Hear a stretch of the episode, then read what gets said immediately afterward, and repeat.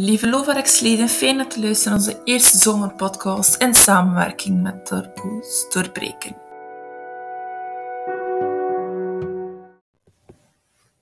Het eerste taboe-onderwerp waarover we het zullen hebben is klaarkomen. Voor mannen is dat zoals de zee die bij het strand hoort, maar voor vrouwen is het heel anders en ik vind het heel gek. Tuurlijk kan seks ook fijn zijn zonder orgasme, maar het zou wat mij betreft wel iets gelijker op mogen. Buiten de seksom kan voor vrouwen erg lastig zijn om klaar te komen. Het vrouwelijk lichaam kent verschillende orgasmes. Via clitoris, G-spot. Er zou ook een type bestaan, zowel bij mannen als vrouwen.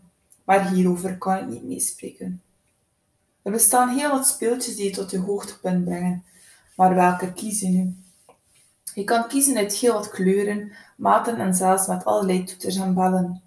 Maar hoe kies je nu degene die je doet klaarkomen? Experimenteer eens met je handen. Ga voelen wat je fijn vindt. Kijk naar porno, lees spannende verhaaltjes, fantaseer er eens over en kijk wat er werd.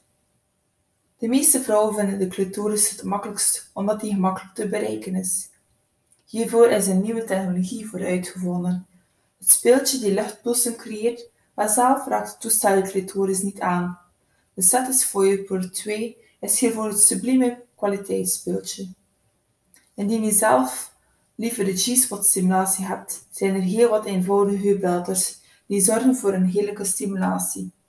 Als het niet zo goed bestaat, is er ook een 2-in-1 versie, de Tarzan vibrator, die beide kan stimuleren.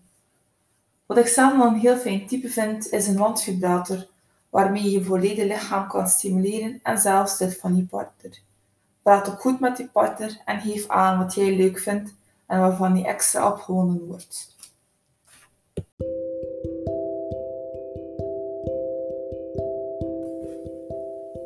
Hierbij sluit ik de eerste zomerpodcast af over het onderwerp klaarkomen. Beluister ook binnenkort het nieuwe onderwerp.